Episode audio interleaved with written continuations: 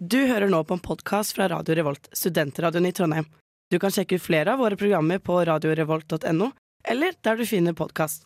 God lytting! Radio Revolt. I saw the best minds of my generation destroyed by madness. Det er den drømmen vi bærer på. Fra en annen virkelighet. Kulturuke. Eh, Ja, jeg heter Dag Solstad, og dere hører nå på Bokbaren, og der er altså jeg. Ho, ho, ho, og velkommen til Bokbarens siste sending for i år.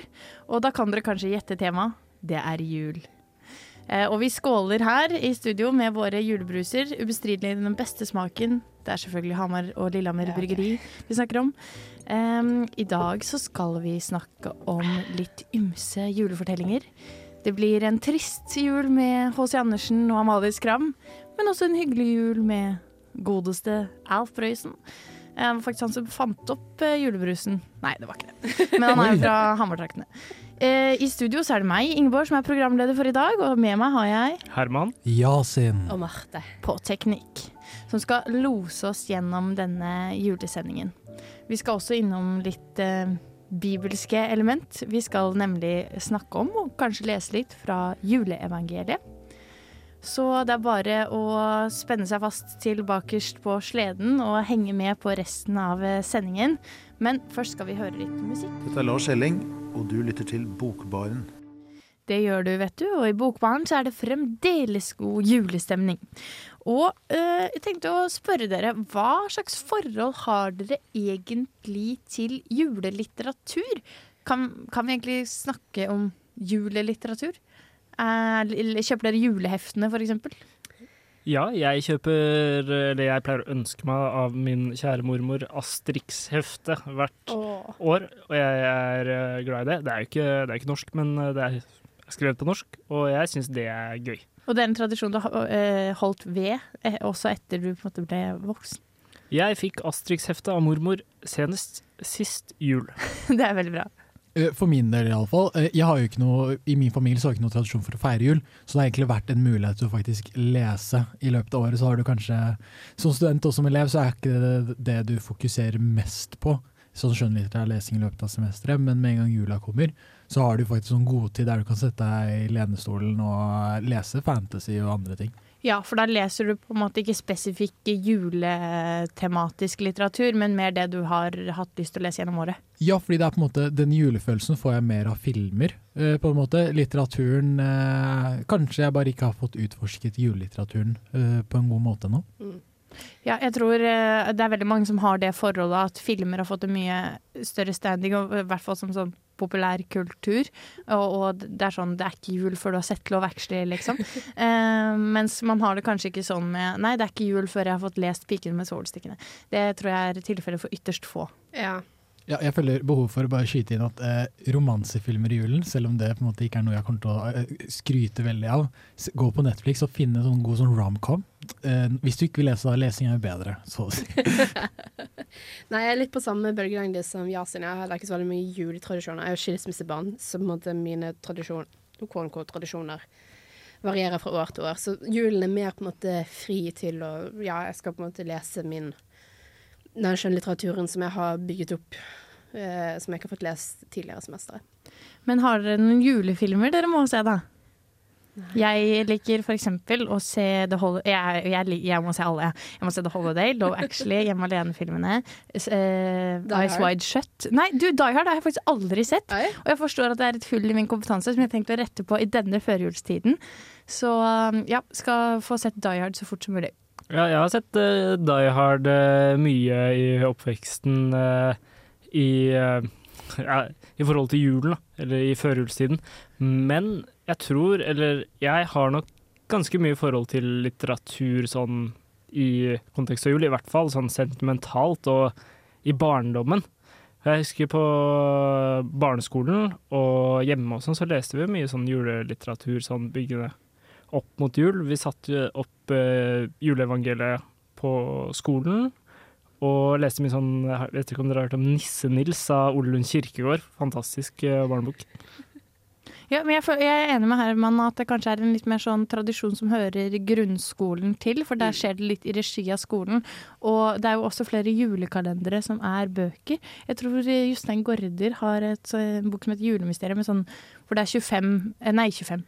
24 eh, kapitler, på en måte, og så bruker du det som en julekalender. Så, eh, og det er jo på en måte mynta på barn. Men er det noen av dere som ser på disse julekalenderne fremdeles? da? Jeg hadde tenkt kanskje å se Jul i Blåfjell i år, i og med at det havnet i NRK-spilleren igjen. Ja, ja, faktisk. Jul i Blåfjell. Eh, nei, kanskje egentlig ikke. Men eh, det er den gamle serien fra da jeg var sånn 11-12. Eh, og for folk som kjenner meg, så er jeg 22 i dag, for sånn ti år siden. så var det en serie på NRK som het Pakten. eh, som hadde sånn eh, Skal ikke forklare handlingen, men uansett, den var veldig veldig koselig, og jeg har tenkt å se på den igjen. Så gleder jeg meg veldig til det.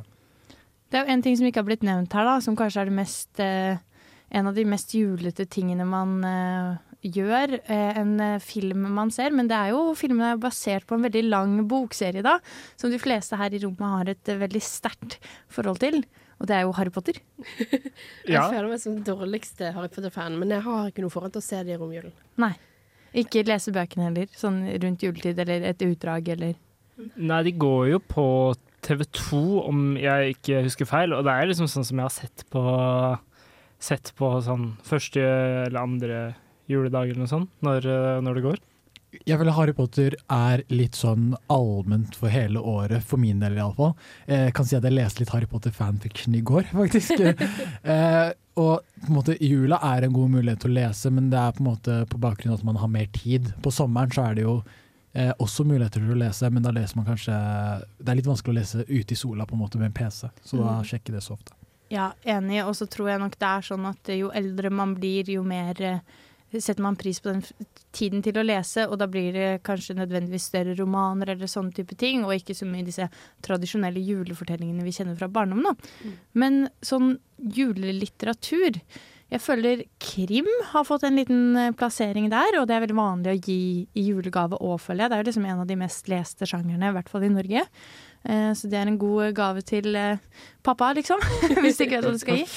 Men ellers så føler jeg at, eh, og motsi meg hvis dere ikke er enig, men at julelitteratur gjerne er litt sånn eventyr, kortere fortellinger. Litt av det vi har lest fram til i dag. Det fins jo kanskje noen større bøker. For eksempel A Christmas Carol er jo eh, vel nærmer seg 200 sider, tror jeg. Men de fleste er på et sted mellom fem sider og eh, 25 sider. Mm. Som for eksempel Karens jul eller Piken med svovelstikken, som er et kort, kort eh, eventyr. Så det er, den sjangeren er liksom blitt eh, julesjangeren. Har dere noen teori om hvorfor eventyret egner seg til å brukes i julesammenheng? Ja, jeg, jeg tror det kanskje har litt å gjøre med at det deles i fellesskap. At uh, julefortellinger gjerne leses høyt sammen med familie, og liksom blir noe som alle kan delta i, da. Og lengre bøker har man kanskje ikke tid til, eller blir blir liksom langtrukkent for at alle skal sitte og høre på. Men en sånn fortelling går jo fort, da, og kan gjerne fortelles for mange. Ja, det er ikke dum. Jeg har en liten teori og på en måte trekke litt til julen som en, en måte, religiøs høytid. At kanskje det på en måte, på en måte mer sånn religiøse og eh, moralske historier passer seg bedre i kortformat, for da får du på en måte poenget og lærdommen litt raskere, litt tydeligere frem, da. Men ja, det er ikke dumt det at måte, det er noe med fellesskap òg. Ja, og sånn er det jo med folkeeventyrene òg. Det er jo eh, på en måte en form for eh, dannelse som er målet, og moral, som du sier, Marte. Og det er jo mange av de som har skrevet eh, eh, eventyr og, og folkeeventyr, har jo også noen julefortellinger inni der. Eh, noe som i hvert fall har blitt eh, inkorporert som julefortellinger, da, men som ikke nødvendigvis tematiserer jul. Ja, jeg tenkte sånn umiddelbart eh, Jeg har jo sett en utvikling Og det, nå baserer jeg mye av jeg, mine antakelser på det som skjer på men kan det hende at den samme utviklingen eh, med, i romansesjangeren som man ser på film, også har kommet over i litteraturen? Er, når dere går til en bok eh, si, eh, Når dere skal gå og kjøpe bøker, dere, ser dere kanskje sånn romans, eh, romanse med sånn julevinklinger? Oi, det har jeg faktisk ikke tenkt på. Det er i hvert fall eh, Den sjangeren tar jo ekstremt av i f.eks. booktalk-verden og sånn. Men jeg vet ikke hvor julerelatert det er. Det er kanskje mer det at jeg tenker at folk leser litt sånne typer lettleste bøker i jula. Fordi du ikke orker å sette deg ned med noe sånn kjempetungt og langt. Bortsett fra Vida Herman som skal lese 'Trolldomsfjellet' av Thomas Mann. God jul! Men det er også god julelitteratur, uh, syns jeg, da. Selv om den er litt tjukk, den boka. Jeg kan gjerne dra inn på det som uh, Yasin spør om romanse. Jeg har jo gravd meg dypt ned i booktalk og liksom bookstagram, som det heter. da. Uh, uten at jeg kommer på noen spesielle titler, men det er mye uh, Colin Hoover sine bøker. Herregud, la oss spare det til våren. Uh, det gidder jeg ikke å gå inn på. Men uh, ja, det er mye, mye romansebøker rundt julen. Jeg har satt masse titler poppe opp sånn her Hva du kan gi til din datter eller din bestevenn. Men ja, jeg, tenkte kanskje Jeg likte veldig godt poenget ditt, Ingeborg. At det ikke nødvendigvis har så mye med at det er julevinklinger, men også kanskje det at det er den sesongen her, det er litt tid man har lettlesbøker og sånn. Men så kan det også hende at folk er litt mer ensomme og sånn i jula. Og at det liksom kan være sånn Å, nå er den store kjærligheten. La oss si nå du skal hjem, eh, og det er andre juledag, liksom, skal spise middag med familien. Og så er det alle andre har kjærester, og så er det du som er der. Og så er det sånn Å ja, nå er det meg igjen som kommer alene. Mm. Ja, og jeg tror kanskje det er derfor også man går tilbake til mye nostalgi i form av filmer, bøker, eh, juletradisjoner. Men jeg tror også det er eh, de som ikke nødvendigvis har et forhold til disse julefilmene f.eks. fra barndommen, ser dem, eh, har begynt å se dem jula allikevel. Til tross for at det kanskje regnes som barnefilmer. Fordi det er noe sånn comforting, og samhold er en liksom, viktig tematikk i disse filmene og disse bøkene.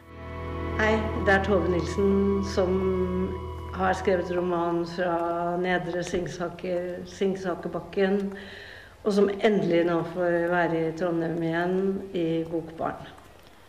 Ja, vi står her, vi vet du, i Nedre Singsakerbakken, akkurat som Tove Nilsen sa.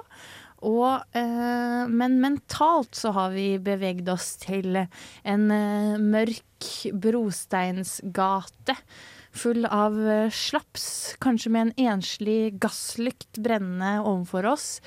Og innimellom de mørke skyggene så tennes det en svovelstikke. For eh, vi skal til H.C. Andersens 'Piken med svovelstikkene'. Og tenkte å gi en liten uh, recap av historien for de som ikke kjenner den. Kan jeg bare skyte inn med du, Jeg følte veldig at du beskrev eksamenslokalet til NTNU akkurat nå. Bare tenkte det umiddelbart. Gjerne fortsett. Slutten veien 14. Um, også vaksinasjonslokalet. Mulig det er nummer 12. Husker Mye trasig i det området der. Ja, ikke sant. Men det er i hvert fall bedre enn utleira. Uh, pray to God at du aldri skal ha eksamen der. Sted. Men vi har det til tross for eksamensperiode bitte lite grann bedre enn den stakkars piken med svovelstikkene. Eh, for eh, som H.C. Andersens eh, legendariske, klassiske eventyr handler om, så er det da altså en liten jente som går rundt på nyttårskvelden, faktisk, så det er litt etter jul. Eller i slutten av jula, og selger svovelstikker. Men hun har ikke solgt en eneste svovelstikke denne kvelden. Og i eh, fortvilelse Hun går liksom inn og ser inn i rutene til alle de folkene som sitter og spiser middag og hygger seg. Hun tør ikke gå hjem, for hun er redd for at eh, faren skal eh, bli sint og banke henne opp fordi hun ikke har solgt noen ting. Så begynner hun å tenne en og en svovelstikke. Og disse svovelstikkene er de rene tryllestaver. For for hver svovelstikke hun tenner, så opplever hun en ny virkelighet, og en ny, nytt bilde kommer fram. Og det slutter ganske trist, men også litt fint. For eh, den lille jenten hun vil gjerne være med bestemoren sin. Så hun tenner alle de siste svovelstikkene for å uh, møte bestemoren igjen. Og da kommer bestemoren og henter henne og flyr av gårde opp mot stjernene. Og så ender det jo med at den lille piken dør. Men hun er jo ganske lykkelig i Mm. sitt dødsøyeblikk. Ja, for det er ikke det sånn at den avslutter med at de finner henne om morgenen etter hun ligger og smiler med fyrstikken liksom spredd rundt seg. Ja, og så sier de 'hun har tent dem for å varme seg'. Men, eh, og så er fortellerens stemme noe sånt som at Men ingen visste hvilken fanta hvilke fantastiske bilder hun hadde sett. Mm. Så det er jo en trist historie, samtidig som på en måte piken kanskje har hatt det godt eh, i sine siste stunder. Så er det jo kanskje en litt sånn klassisk sånn eh, moraliserende julefortelling. Hva tenker dere H.C. Andersen prøver å få oss til å tenke over her?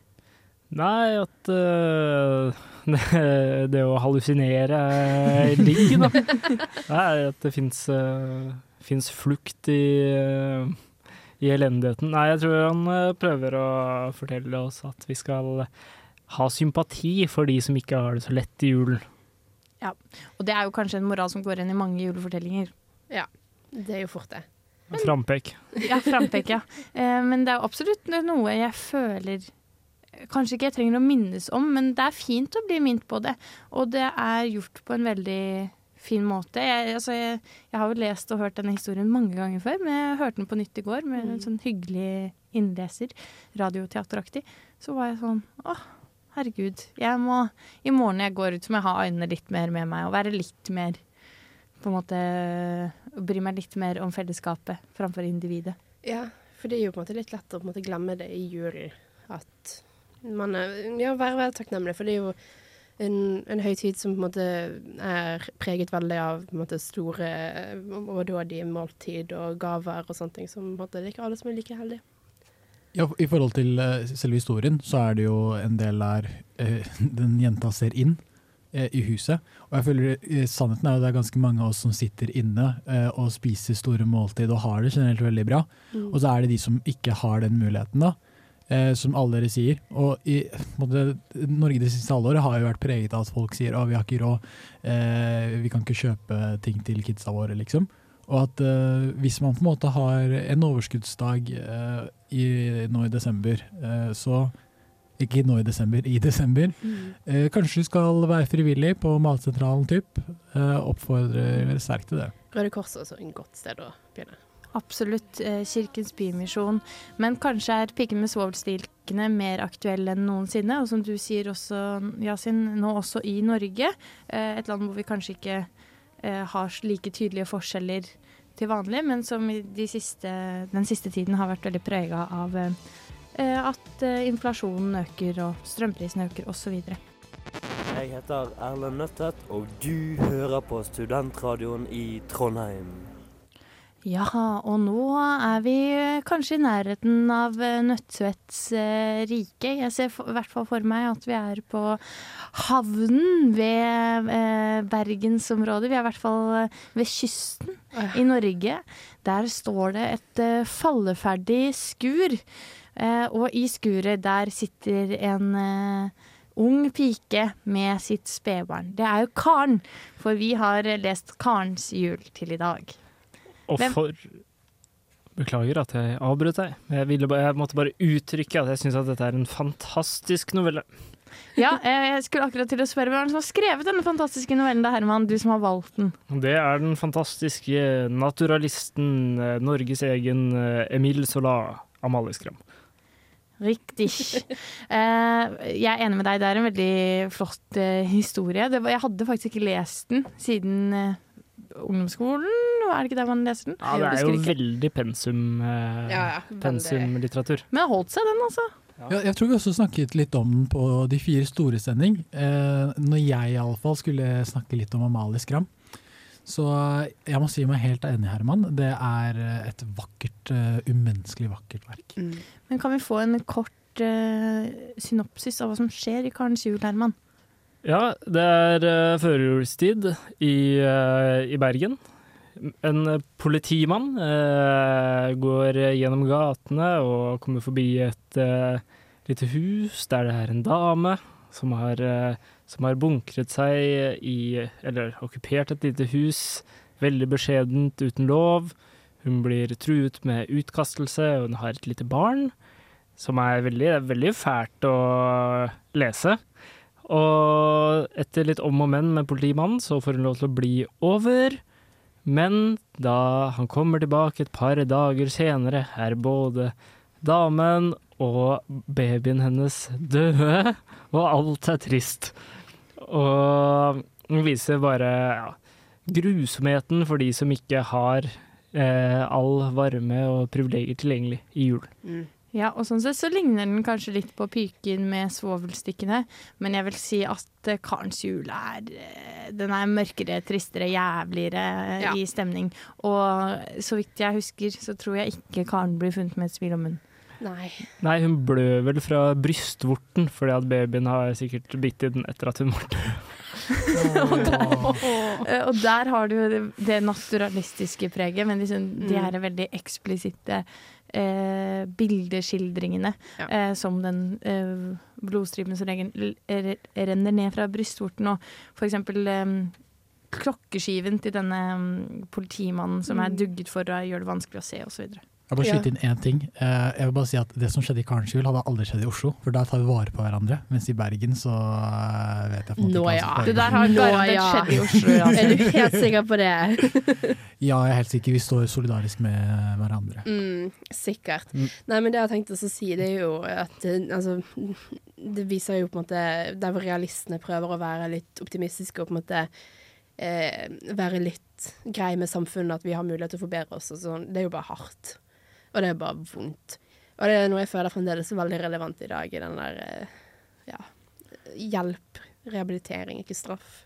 Men er det ikke litt håp her i politimannen, som eh, til tross for sin eh, initielle overbevisning om å kaste henne ut, føler på en medlidenhet overfor denne lille piken og lar henne forbli der.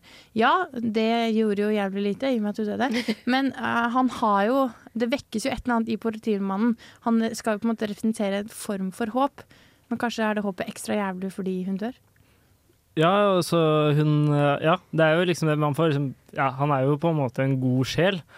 Og en annen ting jeg bare syns er helt sånn uh, Veldig spennende, som Amalie Skra- Skram skrev om, er at når hun blir tilbudt å dra på Fattighuset Det er liksom damen, siden hun har hatt det litt godt før og sånn, altfor stolt til å dra dit. da. Og liksom den derre stoltheten, å være for god for å få hjelp, da, den gjør det bare enda tristere.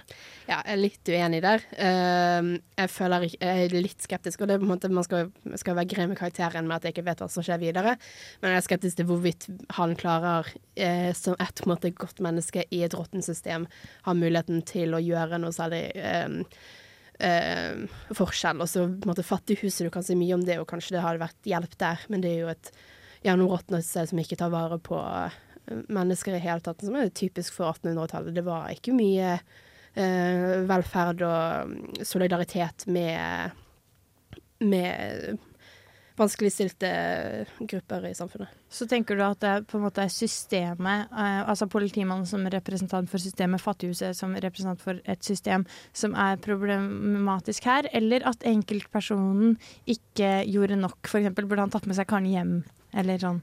Synes, altså selvfølgelig, på en måte, Hvis du kan som enkeltindivid gjøre en forskjell og hjelpe folk, så absolutt. Men jeg tenker det er mye viktigere at altså, systemet og samfunnet skal bygge opp. Og det er jo på en måte Nå ble jeg veldig politisk her, men det er jo på en måte Hva er poenget med å betale skatt og ha et, eh, et, et, en stat og en institusjon som skal ta vare på mennesker, hvis de ikke gjør det? Ja, jeg er, eh, Hvis jeg ser bort fra systemkritikken, som jeg for så vidt er ganske enig med, så tenker jeg som enkeltperson i historien, så likte jeg virkelig ikke denne politimannen. Og det har å gjøre med at eh, når du ser en person som lider, og at du er sånn Hvis, er, hvis det er en prinsipiell tilnærming du har, er sånn OK, denne personen lider. Selvfølgelig skal man gjøre dette, men det at han på en måte, fordi han kanskje gjenkjente seg i og Hvis han plutselig fikk litt empati, og derfor lot henne være der, og sånn, gjorde det minimale, som er å la noen ha husly i et bygg, som uansett bare kommer til å være der, viser på en måte at eh, folk er tilfredse. Jeg føler det er et, eh, et symbol på at folk er tilfredse med å gjøre så lite. Det er det samme som å jeg skal støtte SOS Barnebyer med 100 kroner i året. Få være fadder for én kid, og jeg har gjort min del for at verden skal bli bedre. Mm. Og det er på en måte, eh, Jeg syns iallfall denne enkeltpersonen, eh, selv om denne handlingen foregikk Selv om den kom ut for lenge siden, fanger det som er problemet med mennesket i dag. En apati for hvordan fattige folk faktisk har det. da. Ja, jeg er veldig eh, enig med deg, Yasin, og at det er noe veldig sånn Han gjør på en måte the bare minimum, men ikke noe mer enn det, og da har han til en viss grad god samvittighet. Eh, stryker hunden med hårene. Mm. Men eh, eh, det er jo denne rivingen av dette huset dagen etter hun har dødd, er kanskje det sterkeste bildet på hvordan eh, samfunnet bare eh, og velferdsstaten, hvis man kan, kan snakke om noe sånt i Amalie Skrams tid. I hvert fall på en måte eh, tanken om et fellesskap, da, eh, faller helt i, i jorden, fordi det blir jo bare revet, fordi det skal ikke stå der og være et symbol eh, og et tilfluktssted for den slags type folk. Ja, Karen burde heller vært i Bergen da jeg var der. Da var det sommer og 30 grader og sol. Jeg tror faktisk Bergen er problemet med hele Nei, men. Bergen. Nei. Nå tar jeg snart av mikrofonen her, det syns jeg ingenting om. Men eh, nei, jeg er enig med dere. Men samtidig så er det sånn Jeg syns det, ja, jeg synes det blir for mye å på en måte putte ansvaret på enkeltindividet. Men samtidig så skal jo ikke på en måte politimannen gå derfra og være fornøyd. Men det er vel kanskje det der. Jeg har alltid lurt på sånn, eh, det med at hvis du er en enkeltperson, særlig i julefortellinger, eh, på en måte er det ganske tydelig å se. Man har en person som lider, og så har man en person som eh, av en eller annen årsak, enten pga. posisjonen sin, eller sånn sosialt, eller på bakgrunn av hvilken jobb man har, muligheten til å hjelpe den personen. Og jeg for eksempel, hvis jeg hadde sett en person lide foran meg, vet ikke hvordan jeg hadde reagert. Det er veldig vanskelig å si. Men akkurat i denne historien så har du en person som lider. Du ser det er en baby iallfall, noe som på en måte skal vekke det, det sterkeste av menneskelige følelser. Og så gjør man det bare minimum. Jeg vet ikke hvordan situasjonen var på den tida i Norge. Det var sikkert umenneskelig mye eh, verre enn det er i dag. Men eh, fra vårt ståsted så føler jeg veldig at eh, når jeg ser hvordan våre makthaverne i vårt samfunn ser på hvordan folk som lider, har den akkurat den samme tilnærmingen. Eh, og jeg beklager for at det ble politisk, men eh, det er sånn, i går så kom statsbudsjettet ut, og da ga de 3000 kroner ekstra til eh, enslige Eller det, var en ny ordning. Og det var sånn, selv om kostnadene for den gruppa hadde økt med 10 000 kroner bare det siste halvåret, liksom. Og det viser jo litt at man, sånn, man gir smuler når folk egentlig trenger et helt måltid, da. Eh, Gi dem eh, kaker, sier jeg bare. Eh, nei da, jeg tuller. Jeg tok en liten Marie, Marie Antoinette, men jeg er veldig enig med deg, Yasin. Og kanskje er det det samme med mm, Karens jul som Pikken med solsikten. Den er mer aktuell enn noensinne. Og den eh, vekker jo åpenbart eh, sterke følelser hos alle her i rommet. Og jeg skal love deg at Amalie Skram var politisk når hun skrev det òg. Mm. Eh, så det tror jeg ikke man skal unnskylde for at man tolker det inn i en aktuell eh, kontekst med dagens økonomiske situasjon. Og dette eh, fellesskapet, eller hva skal man si, det sånn ekkokammeret som oppstår rundt jul. Men uh, setter dere pris på denne type julefortellinger, altså denne og 'Pikkene med svålstikkene', som er sånn litt triste, moraliserende? Tror dere det er viktig at vi fortsatt leser det? Selvfølgelig. Det tenker jeg absolutt burde, burde leses og burde diskuteres hvert, hver jul. Og det er jo noe vi prater om nesten hver jul, er jo eh, alle de tusenvis av familiene som ikke har mulighet til å diske opp med dette store julemåltidet som forventer at man skal ha, at ikke alle har råd til julegaver. Eh, og at man er nødt til å ta mer vare på hverandre. Og det er jo kjempeviktig, spesielt sånn som Yasin har vært veldig inne på med dagens økonomiske eh, situasjon, hvor ting har blitt veldig mye dyrere. Så vi må på en måte være litt greiere med hverandre. Og da tror jeg det er veldig viktig å lese f.eks. Amalie Skram. Det tror jeg òg. Og jula er jo kanskje den tiden hvor eh, forskjellene mellom oss blir aller størst også. Fordi du sier, Marte, man skal ha det, og man skal ha det, og man skal ha det. Og hvis du ikke har det, så er du eh, regnet som ikke en del av fellesskapet. Og det er også en eh, vond følelse. Hei, hei. Eh, Dette er Vigdis Hjort. Jeg liker navnet på denne radiokanalen, Radio Revolt. Hør på magasinet Bokbarn. Det å sitte på bar og lese bok, det er ikke det verste. Nei, det er det ikke. Det er kanskje ikke det verste å sitte hjem på toget heller og høre på Bokbaren. Nei, dere har kanskje ikke dratt hjem helt enda. I og med at vi er en studentradio, så regner vi med at de fleste lytterne våre sitter nå og har eh, eksamen eller leser til eksamen. All sympati fra oss her i studio. Men eh, vi skal bevege oss eh, litt grann sørover allikevel, vi. Vi skal jo nærmere Ringsaker-traktene. For der var det en fyr som kunne å skrive historier. Og han het Alf Prøysen. Og han skrev annet historien 'Snekker Andersen og julenissen'. Og den har vi lest til i dag. Eh, Jeg vet ikke med dere, men jeg har et ganske sånn nært forhold til Alf Prøysen, siden jeg er fra Hamar. Så den dukker opp på en måte hver jul hos meg. Men var det noen av dere som på en måte hadde glemt litt handlingen, eller eh, måtte minnes litt på hva som skjedde i 'Snekker Andersen og julenissen'? Den sitter veldig nært i minnet mitt. Nei, jeg måtte ta en liten, en liten eh, relesning. Ja, det er tross alt langt fra Ringsaker til Bergen. Eh, men eh, 'Snekker Andersen' det handler altså da om godeste Snekker Andersen, utrolig nok, eh, som skal ut eh, for å kle seg ut som julenisse for å overraske barna sine på julaften med julegaver. Men han sklir med kjelken sin og sklir inn i en annen mann som han også tror er ute og går nisse. Men det er jo selveste julenissen. Og de bestemmer seg for å bytte, og snekker Andersen han går hjem til ungene til julenissen. Og julenissen går hjem til ungene til snekker Andersen, og så bytter de gaver. Og snekker Andersen han er litt bekymra, for han mener jo at han ikke har noe å gi da, til disse nisseungene. Men så sier julenissen Eit du snekker, da? Eh, og da tar eh, snekker Andersen og snekrer sammen de lekene som barna ønsker seg. Og det blir den flotteste julen disse nisseungene har hatt. Så igjen så er det kanskje en eh, moral om at eh, du er bedre enn eh, Eller du kan mer enn du tror, da. Hvis Mm. eh, det er moralen i denne historien. For snekker Andersen har ikke liksom veldig tro på at eh, det skal bli en suksess med disse plankebitene og spikerstumpene, men det blir det jo absolutt. Er det en historie som ga dere julestemning?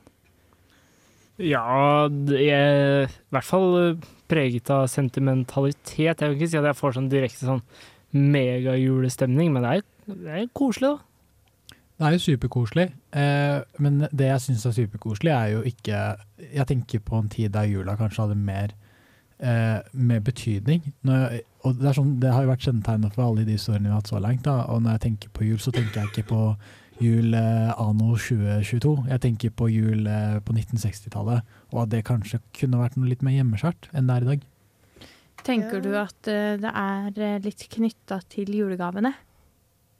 Ja, fordi på en måte, jeg si gaver i seg selv er jo eh, og eh, Jeg skal fortsette i rekken med systemkritikk. Eh, Kommer rett fra Lekia og BR Leker, vet ikke om det fortsatt er en greie.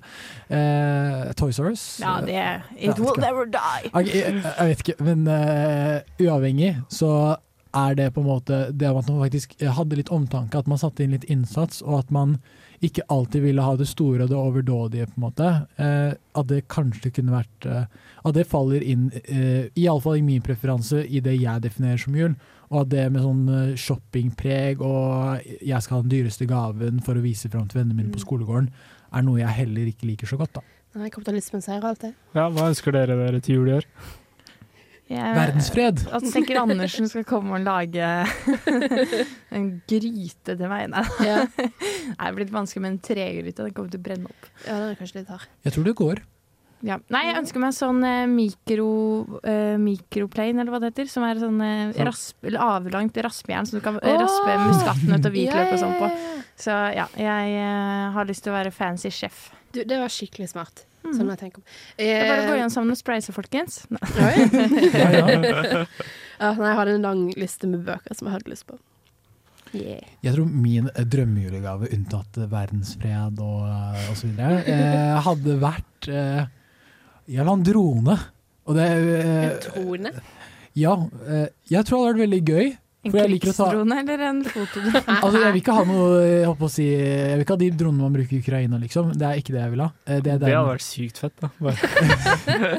da hadde du fått fred i verden. Ja, du, eh, jeg kan være verdenspoliti. Jasins fredsdrone. jeg syns ikke det var så gøy. den flyr rundt og gir gløgg til alle som er kalde i julen. Okay, men du, faktisk, Det hadde vært en veldig god historie. Men uh, Der det, kommer Jasins fredsdrone, så bare ser du på som mat og liksom Ok, men det jeg faktisk mente, jeg vil ha en drone som eh, på en måte kan ta fotoer og sånn. Eh, som faktisk holder Ja, det hadde vært veldig gøy. Å bare ta sånn, eh, for jeg liker ikke å gå ut i naturen, Mm. så jeg vil gjerne sende litt teknologi ut som kan ta bilder på vegne av meg. Da, da føler jeg at jeg er ute i naturen. Men jeg vet ikke med dere, men jeg føler at jeg har på en måte blitt såpass gammel at eh, jeg har alle mine ønsker mer sånn Kanskje jeg trenger en ildfast form. Jeg ønsker meg sykt mye kjøkkengreier, Ja. eh, så jeg støtter den. Eh, julegaven har eh, praktiske Mm. i forhold til det jeg ønsker meg. Men de er jo på en måte litt praktiske, disse julegavene Snekker Andersen eh, lager òg. Og jeg tror en eh, ting som eh, kanskje får oss til å tenke, sånn som du sier Rayasin, at det er jul på 1960-tallet, det er at det er ikke et sånn gaveoverflod. Det er liksom én gave til hver av disse barna, og at man faktisk har ønsket seg noe hele året. Fordi det er sånn, Nå er jo vi voksne, så det er jo på en måte ikke det samme lenger.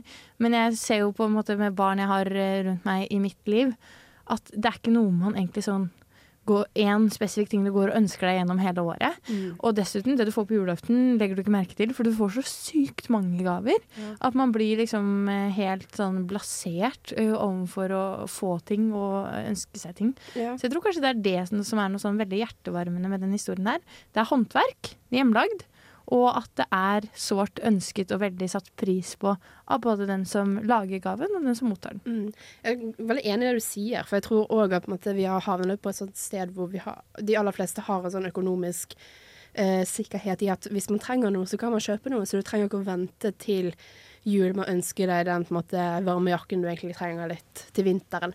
Men da er det kanskje viktigere det som man Det, du, det siste du sa med at måte, det sentimentale og tanken som blir lagt inn i gavene. At på en måte bruker heller litt mer tid på det heller enn liksom OK, men jeg skal kjøpe noe bra. Så liksom noe som betyr noe. Ja, jeg lurte på en ting. Eh, trodde dere noen gang på julenissen? Nei. Var det Nei.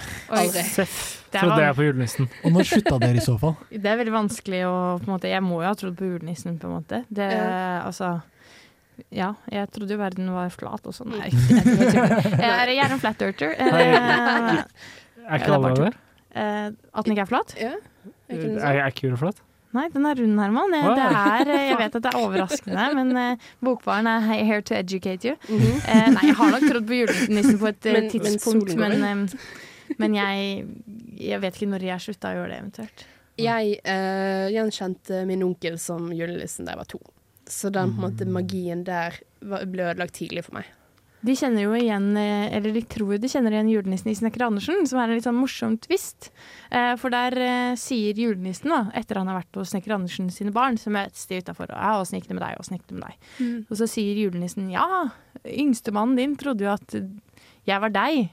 For da hadde liksom det yngste barnet sagt sånn jeg vil sitte på fanget til pappa. Men så var du faktisk den ekte julenissen, så eh, buhu, du tok feil, lille unge. Nei da. Du er dum. Men uh, det er kanskje ikke en sånn, ja, som sagt, like tydelig moral i denne historien som de to andre. Men må det være det for at det skal være en god julefortelling? Nei, Nei, det er produkt fra Edmarken, og det er alltid koselig uansett hva. Så er stemningslitteratur. Ja, jeg føler det er på en måte Alf Oi! Alf Prøysens på en måte jeg, jeg tror det han gjør bra, er den der koselige, litt sånn nostalgiske eh, norske hverdagen, eller på en måte tradisjonene der. Og han treng, alt trenger ikke å være like mørkt som Amalie Skrams verdensbilde. Jeg syns moralen var til stede, bare den var på en måte ikke eh, en eksplisitt moral på samme måte som i de andre. Og det er jo på en måte det at moral alltid ikke må være så eksplisitt for at vi skal få det med oss. Mm. Og at det heller kan være sånn eh, Jeg vet på en måte ikke hva som skjedde på 1960-tallet, det var 40 år før min tid, eller 30, eh, 30 liksom. Men at uh, kanskje sånn uh, Bare prøve å formidle familieverdier da, på en god måte, og den hverdagen, uh, hverdagsskildringen som Marte eh, nevnte. Og det en like sterk, eh, har en like sterk moralsk påvirkning på meg i alle fall, da, som de andre. Ja, jeg tror dere har eh, veldig rett eh, begge to. Og jeg kan anbefale lydbokversjonen, eller lydbok jeg var kanskje å ta i, den varer jo et kvarter. Men eh, lest inn av Henki Kolstad, den finner man på Spotify. Og for dere som ikke vet, Henki Kolstad, Kolstad det er skomakeren i Jul i Skomakergata. Og en komplett legende. Ja, absolutt. Hei, det er Pedro Carmona Alvarez. Du hører på Bokbaren på Radio Revolt. Ja, i Bokbarn så er det jul, ho, ho, ho. Og vi skal fortsette i Alf Prøysens rike. Vi fortsetter med en kjent og kjær klassiker, nemlig Musevisa. Og Yasin, hva, hva skjer i Musevisa? Ja, eh, Musevisa kom ut i 1946, og er eh, det Alf Prøysen eh, sier er sin første julesang. da. Så vi holder oss fortsatt eh, Innlandet, Hamar-regionen. Ringsaker. Ringsaker, same shit. og det handler om eh, en musefamilie, da, og hvordan de feirer jul. Eh, og så har jeg på Jeg har prøvd å finne Jeg har prøvd å på en måte eh, finne dybden, eh, men det er litt vanskelig. Ja, nettene blir jo lange, da. Og kulda setter inn. Det er kaldt. Moralen er du må ha- kjøpe deg wake up light. Um, jeg, nei, men jeg har også slitt litt med liksom uh, Hvis vi skal Vi har snakka mye om moral i dag. Hva er moral med musevisa? Det er kanskje ikke noe sånn uh, dannelsesprosjekt for menneskene, som det er i de andre historiene vi har lest.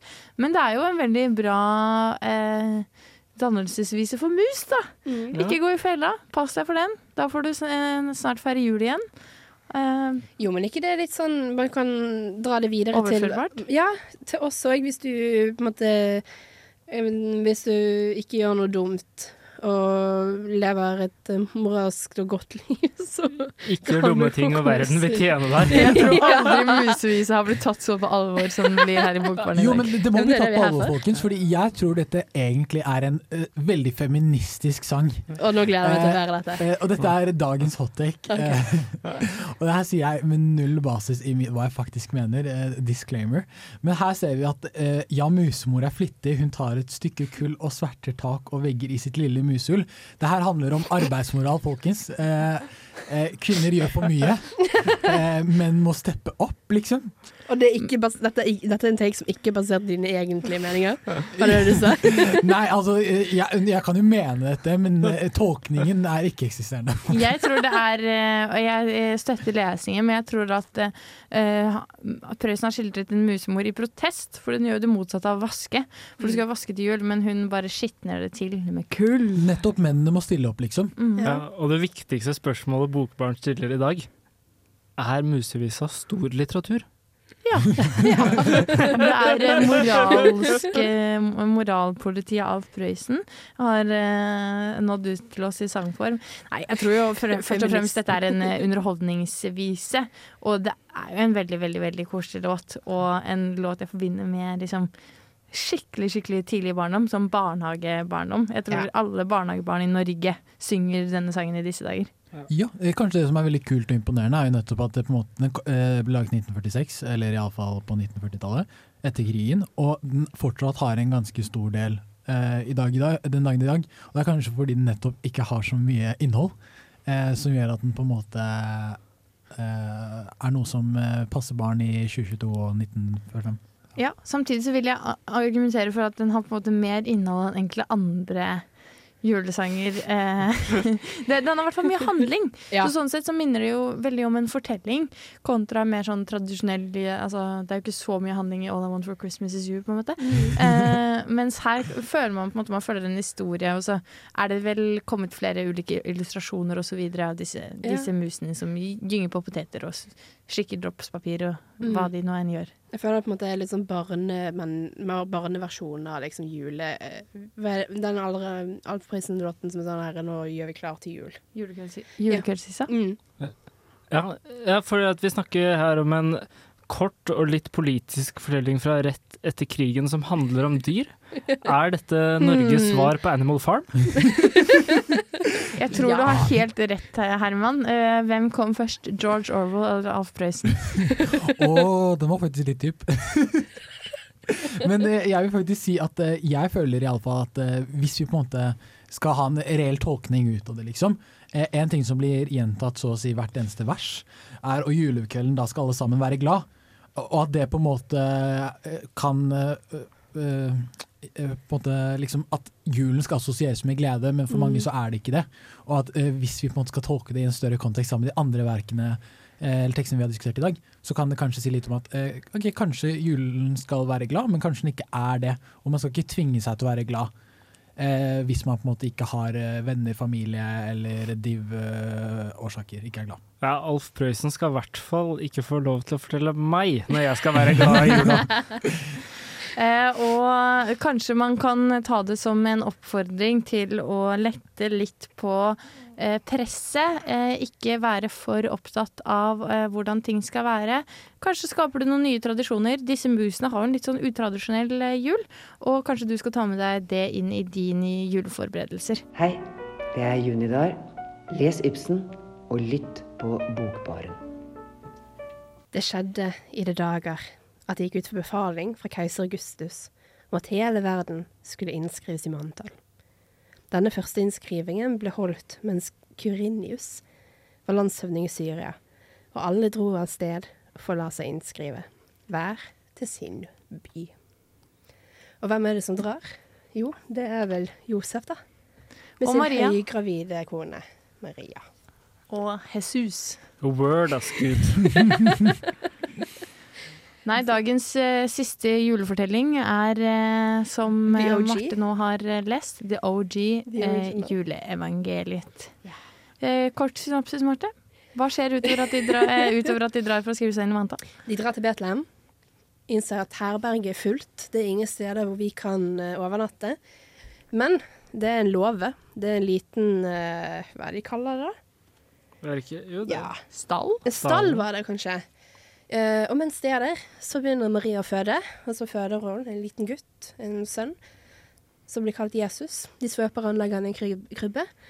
Og videre, bortenfor byen, på marken, så er det da noen gjetere med sauene sine eller geitene eller hva enn det er de har.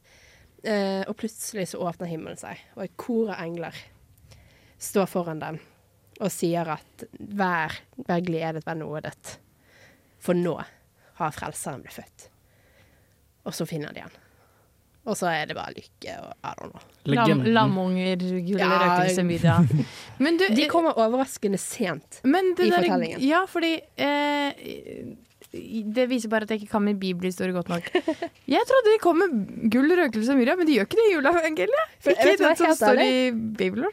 Jeg tror, ikke, jeg tror ikke den kommer i Lukas. Det kan godt være at den kommer i et andre evangeliet, men jeg tror ikke den kommer i Lukas-evangeliet. For dette da er Lukas-evangeliet, kapittel to, som er da det kjente juleevangeliet. Det som alle får lest på, eh, på skolen sikkert et eller annet tidspunkt.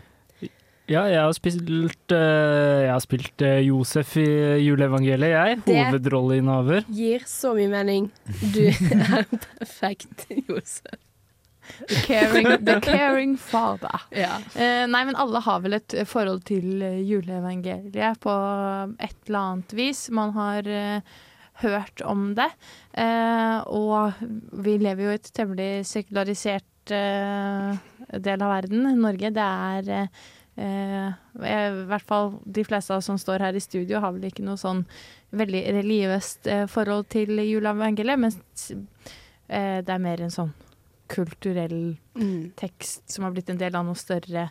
Eh, og så ja, som sagt, det, i alle sånne filmatiseringer, og tegneserier og sånn, så er det jo noe annet som skjer. De kommer med gull, røkelse og myra. Mm. Så hva på en måte tenker dere om det her kulturelle aspektet ved jul kontra det religiøse? Uff, ja, den er vanskelig. Uh, jeg føler på en måte julen for min del, og for min familie, så er det mer på en måte kulturelt enn hva det er religiøst. Eh, jeg tror det blir nærmest ti år siden jeg meldte meg ut av statskirken.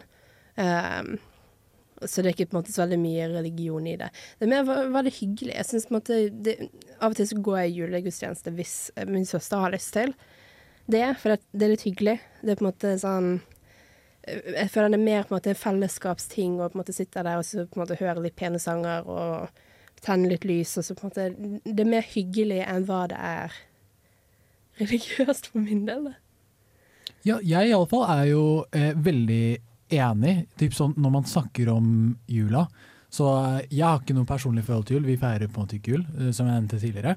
Eh, men det, eh, så, måte, følelsen av, som jeg sa til de andre i Bokbaren tidligere når vi ikke var på sending, følelsen av samhold og på en måte sånn uavhengig venner, familie. Folk er ekstra flinke eh, i juletida til å si at vi er glad i hverandre, vi verdsetter hverandre. Man kan få hyggelige julekort og hele pakka, og så kan man se koselige julefilmer sammen med familien. Jeg i alle fall gleder meg veldig til å dra tilbake til Oslo i jula og se filmer sammen med niesene mine. Eh, og eh, kanskje det viktigste, iallfall i Norge så har ikke julen det sterke religiøse elementet. Eh, og, det, og det kan være like så greit så lenge man har rom for at noen folk kan godt f.eks. religiøse, men hvis den store majoriteten, eh, eller den stille majoriteten som jeg også liker å bruke som begrep, eh, liker å feile på en annen måte, så burde det også være veldig lov. Ja, jeg, ja. jeg er veldig enig i det du sier, Yasin, om at liksom folk skal få lov til å feire jul på, på sin måte. Jeg kommer jo også, som sikkert de fleste her, fra liksom sekulære hjem. Men allikevel så føler jeg sånn en kristen, eller den kristne tradisjonen, og i hvert fall fortellingene, på en måte preger liksom tanken om julen. Da. Det jo, har jo veldig mye å si for hvordan vi feirer jul på, da. Og jeg syns at liksom den mytologiseringen er litt, er litt uh, kul. Mm. Det er jo kanskje den høytiden som blir feira mest på tvers av ulike religioner, fordi man nettopp har et sånn kulturelt begrep om det. At eh, i andre deler av verden som er eh, mye mindre sekularisert enn Norge, f.eks. USA, da, som ikke er så sekularisert, på en måte, eh, er det jo også en veldig kulturell eh, type høytid. Og mye av det har jo på grunn av å gjøre med at det har blitt en slags sånn kapitalisme knytta til jul. Med, eh, liksom, ja, det er en hel industri knyttet til jul. Da. Mm. Julefilmer, julesanger, eh, julepynt, julebrus, julematvarer.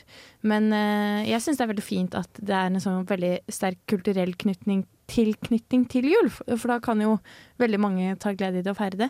Og den kristne på en måte, grunnverdien som du snakker om der, Herman, føler jeg jo er en grunnverdi i alle religioner òg. På en måte nestekjærlighet, eh, omtanke, samhold. Samle seg om noe felles. Mm. Så eh, det er kanskje et religiøst preg, men det er ikke nødvendigvis et, bare et kristent religiøst preg på jula, da. Ja, og det syns jeg er veldig interessant det du sier, for det er jo noe av det som gjør at julen fungerte og på en måte spredde seg, var jo at ehm, da på en måte kristendommen først begynte å spre seg som religion, så på en måte så de i veldig mange kulturer at man har en tradisjon rundt på en måte juletider, da. På en måte solverv, eh, vintersolverv, eh, som man da begynte å knytte julen opp til. Og det syns jeg er ganske fint, da, at man kan finne veldig mye samhold rundt de tidene, og at måte det er en høytid som kanskje fungerer da uavhengig om man feirer en kristen jul eller en eh, annen type religiøs, spirituell variant, da.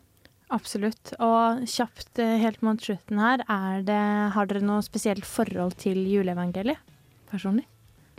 Ja, jeg har jo et ganske tett forhold, som dere hørte i stad, men det er jo en av de eneste tingene som har fått meg til å liksom stå foran et publikum og synge den latinske sangen 'Gloria in excelsis deo', som betyr 'ære være Gud det høyeste' på latin. Og det er det ikke så ofte jeg gjør. Eh, nei, ikke jeg heller. Eh, personlig så liker jeg å sette på Klovner i kamp sin versjon, et juleevangelium. Brukte Mm. granbar og Grandis. Bla om til neste side når du hører denne lyden. Eller skru på radioen din og sett på Bokbarn, da. God lytt. Og du hørte nettopp Thomas Dybdahl med 'Treat Me So Bad', Feet Bahari. Og i Bokbarn så nærmer det seg eh, nyttår.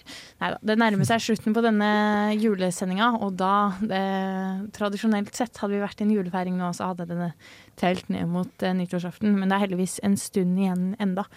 Har dere noen spesielle planer for julen, dere, da? Bortsett fra reise hjem, eller har dere noen dere skal gjøre noe ekstra hyggelig med, eller? Jeg kan godt begynne. Eh, Jeg skal få søsteren min opp til Trondheim, så vi skal være her eh, Jeg er ferdig med eksamen ganske sent. Eh, Så den 21. på kvelden Jeg tror det er den 21. på kvelden jeg er ferdig med eksamen. Så da skal søsteren min komme opp to dager etterpå eh, i jula. Og så skal jeg ned til Oslo, da. Så det blir veldig koselig. Ja, jeg får vel bruke julen på min favorittaktivitet. Lese russisk litteratur. Dostojevskij. Nei, nei, jeg bare tuller. Eh, jeg skal ha det fint med familien og min eh, fantastiske kjæreste og lese Thomas Mann. Nice. Jeg eh, skal forhåpentligvis klare å ta litt avstand på masteroppgaven. um, og lese bøker. Ja. Møte familie, møte venner. Jeg har jo min uh, semesterlige eh, greie med de jeg gikk på ungdomsskole med, så jeg må lage en powerpoint om hva jeg har gjort på de siste seks månedene. Så det, det blir prosjektet mitt da, utenom lesing. Ja. Jeg skal gjøre mye av det samme. Venne- og familiebasert jul. Gleder meg til å se alle sammen som jeg er veldig glad i, og som jeg ikke har sett på en stund. Eh, og så har eh, moren min kjøpte seg hest. Og mine to, ba eh, mine to barnebarn eh, Mine to tantebarn for ti og tolv år er veldig interessert i denne hesten. Eh, og liksom driver og rir og sånn, så jeg tror jeg må ta med de i stallen. Eh, og drive og børste hest, og de kommer til å være helt eh, ville. Så det tror jeg blir veldig, veldig, veldig gøy. Um, og så skal jeg på den årlige andre juledagsfesten med gjengen. Så nei, det blir en fin jul, tror jeg. Men eh, jeg lurte på om vi kanskje kunne prøve å kåre noen av de bedre bøkene vi har eh, lest i løpet av eh, året. Og da kan det være den boka dere likte å lese best i år, den som gjorde mest inntrykk, den som irriterte dere mest. Er det noen titler som har markert seg i 2022? Det betyr ikke at boka være fra 2022, men hva likte dere best, og hva likte dere verst? uh, beste jeg har lest i år, er, eh, det er noen franske diktsamlinger. Uh, Arthur Rambaud og eh, Apollinaire, Guillaume Apollinaire. Det er Veldig gode franske dikt. Uh, ellers så var jeg mektig imponert da jeg leste sangen om den røde rubin for første gang da jeg bodde i København. Det var bra. Ja, min favoritt, uh, å si, det jeg har lest som er eh, det beste av året. Iallfall innenfor fantasy-sjangeren. Uh, for det er det jeg liker å lese. på en måte. Alt det andre er Jeg bare, jeg liker alt. Uh, heter The Last Orellan, uh, og det kan man lese på Royal Road, som er en side for diverse fantasy-bøker. og litt mindre tekster òg. og handler om magi og en annen verden og profesier, liksom. Eller profetier heter det kanskje på norsk. Eh, og var sykt spennende. Og den er ikke ferdig, sånn, den skrives underveis, som gjør at eh, jeg vet, den begynner på nytt igjen nå i desember med nye kapitler, og gleder meg sykt mye til å lese det eh, den kommende måneden. Mm, deilig. Eh, ja. Liker 2022, det har jeg lest mer enn det jeg har gjort de siste sånn, fire årene til sammen, så det har vært et stort leseår for meg. Jeg tror min største leseopplevelse dette året her, det må jo ha vært Pride and Prejudice. Av Jane Austen. Insert applause. Woohoo! Endelig ble du ferdig, Ja, Marte. det tok noen år, det gjorde det. Men eh, nei, det var, det var en stor leseopplevelse for min del.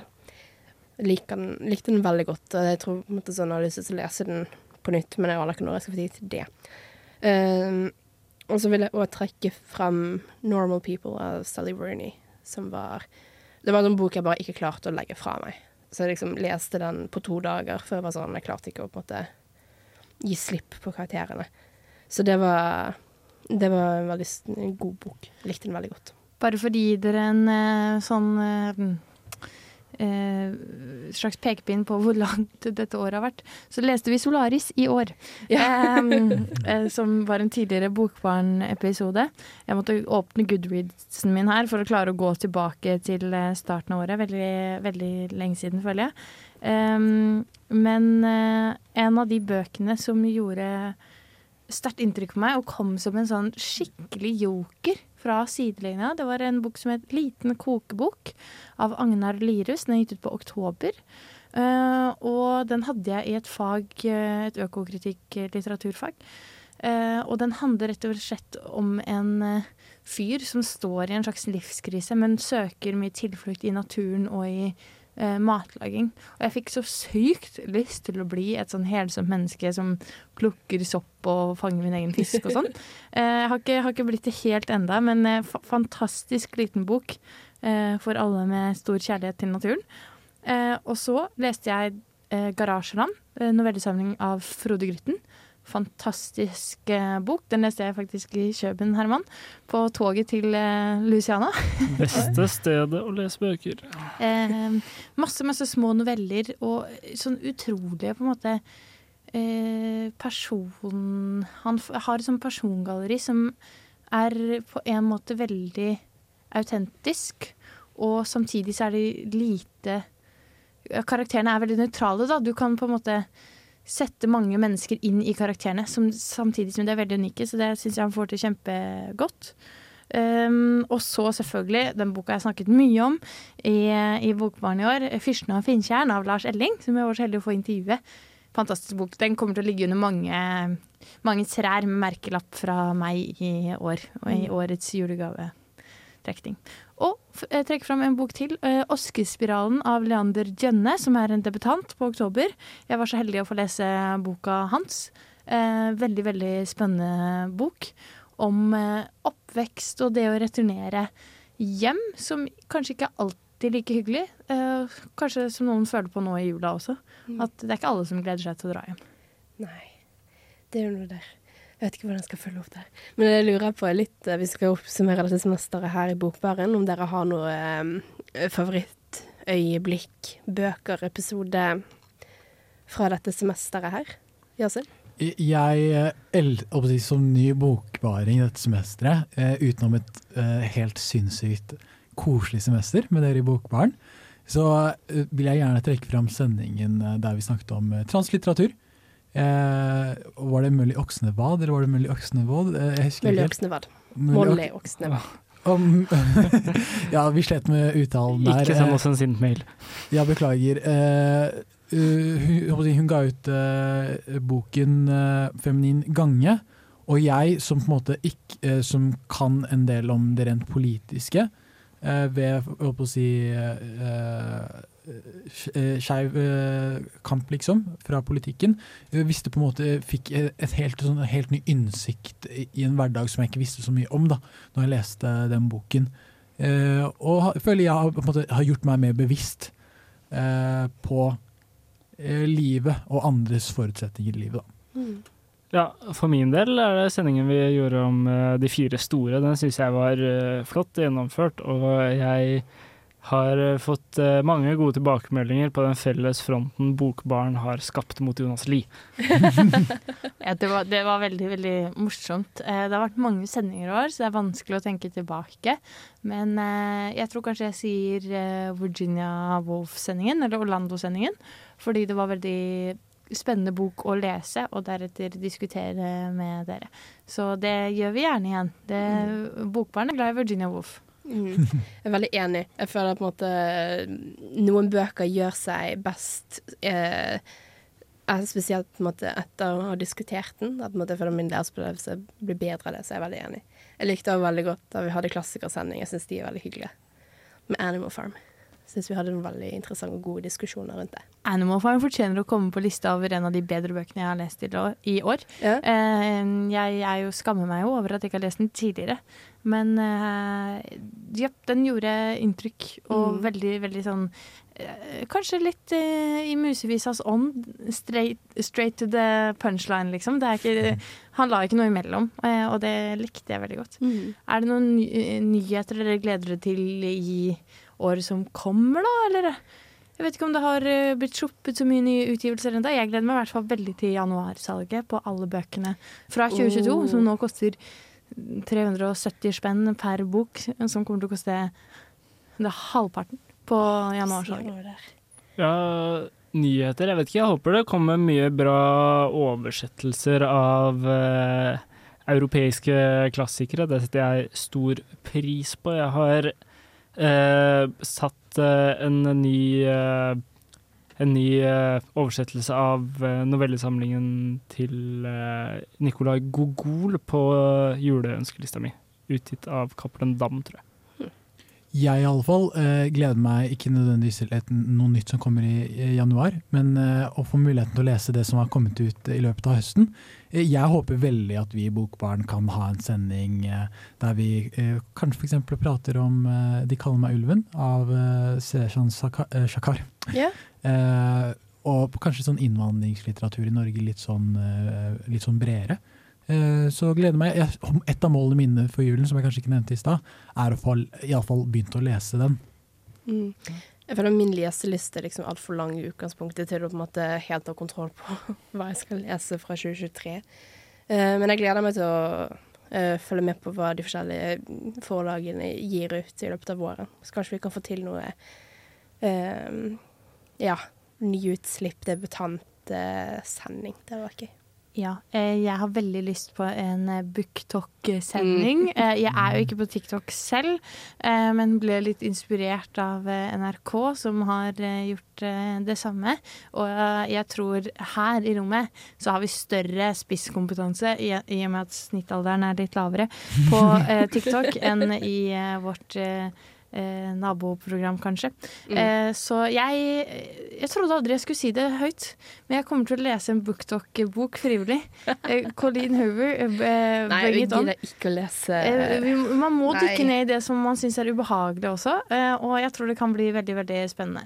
Eh, nei da, vi kan lese noe annet enn Colleen Hoover, men jeg tror det kunne vært et veldig veldig interessant Jeg støtter det. Vi må episode. pushe komfortsonen vår litt, eh, Ingeborg. Mm. Eh, digger den innstillingen. ja. Og før vi sender deg ut i eh, juleferien, så skal du få noen lesetips fra oss. Hei, hei. Eh, Dette er Vigdis Hjort. Jeg liker navnet på denne radiokanalen, Radio Revolt. Hør på magasinet Bokbarn. Det å sitte på bar og lese bok, det er ikke det verste.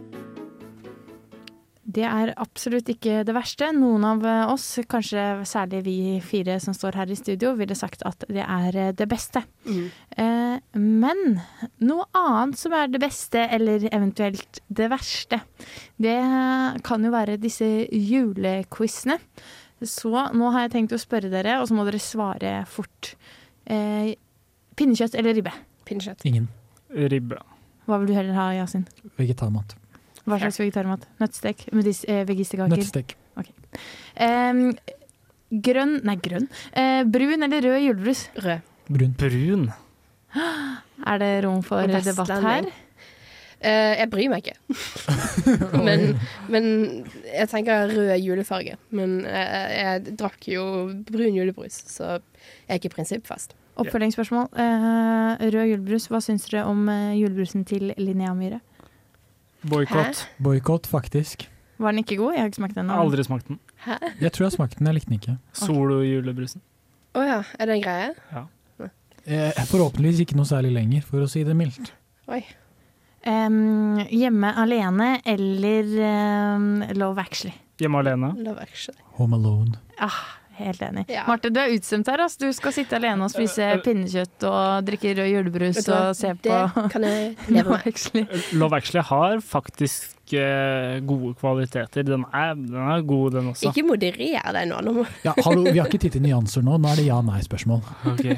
um, mm, mm, Grandis eller uh, Mækkern på julaften hvis du ikke skulle spise julemat? Mækkern. Mækkern. Ja. Ja. Ja, det, altså, det, dette blir eh, tidenes uh, julefeiring.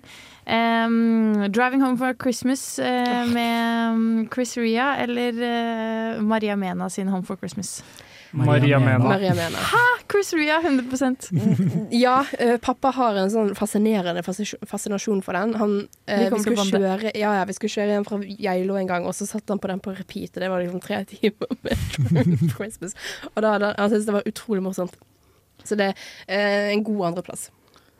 Enig. Eh, Førsteplass for meg, da, men ja. Eh, Harde eller myke pakker? Harde, for det hadde bøker. B ja.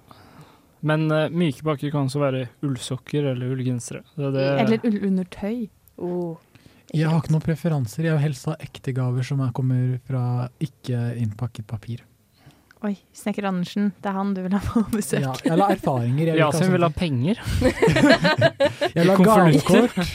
som vil ha Yasins fredsdrone. Skal slippe ja, taket til. Den flyr rundt som en kjerube over Oslos gater og slipper ut penger på første juledag. Mm. Eh, men eh, nå over til en litt mer eh, seriøs quiz. Det er fortsatt fint om dere svarer ganske raskt, i og med at dette er radio. Okay. Og eh, det er litt kjedelig når det er stille på lufta. Eh, men eh, skal vi se Eh, hvilken sang begynner med 'Nå har vi vaska gulvet, og vi har børi ved'? Julekveldsvisa. bør- Julekveldsvisa. Helt riktig, for dette bør du kunne svare på. Dette er en liten sjekk for å sjekke om dere har eh, fulgt med i uh, julesendinga vår eh, så langt. Eh, skal vi se her. Hva er det gutten i Polarekspressen får i julegave fra julenissen? Det her burde jeg kunne. Eh, Jeg har ikke Har dere ikke et forhold til filmen? Stripete pysjamas. Nei, eh, det er et stort eh, eh, En stor greie i eh, Polarekspressen at den lille gutten ikke tror på julenissen, og derfor kan han ikke høre bjella ringe. Og han får en liten bjelle som eh, gjør at han eh, Den kan gjorde eh, litt vondt med tanke på at eh, jeg har sett Polarekspressen 8000 ganger. Men det går fint. Ah. Og eh, sist, men ikke minst, hva er det den lille fattige piken prøver å selge på døren, eh, på døren i julenovellen skrevet av H.C. Andersen? Svovelstikker. Ja, det var bra. Hvis dere hadde svart fyrstikker nå, da hadde jeg seriøst eh, eh, blitt eh, Er det noen stor forskjell? Eh, ja. Svovelstikker mye, mye, mye eh, skumlere. I, i- ingen små barn burde leke med svovelstikker. Og det blir eh, moralen fra Bokbarn i dag. Vi sier god jul, og så ses vi til neste år. Ja. God jul! Og godt nyttår. Du har lyttet til en podkast fra Radio Revolt, studentradioen i Trondheim. Likte du dette, kan vi også anbefale. Du hører på Nesten Felg, Radio Revolt sitt bilprogram. Du hører på Nesten Elg, Radio Revolts eh, jaktprogram. Du hører på Nesten Svelg, Radio Revolts pornoprogram. Du hører på Nesten Selg, Radio Revolts reklameprogram. Du hører på Nesten Belg, Radio Revolts eh, kikertprogram. Nesten helg.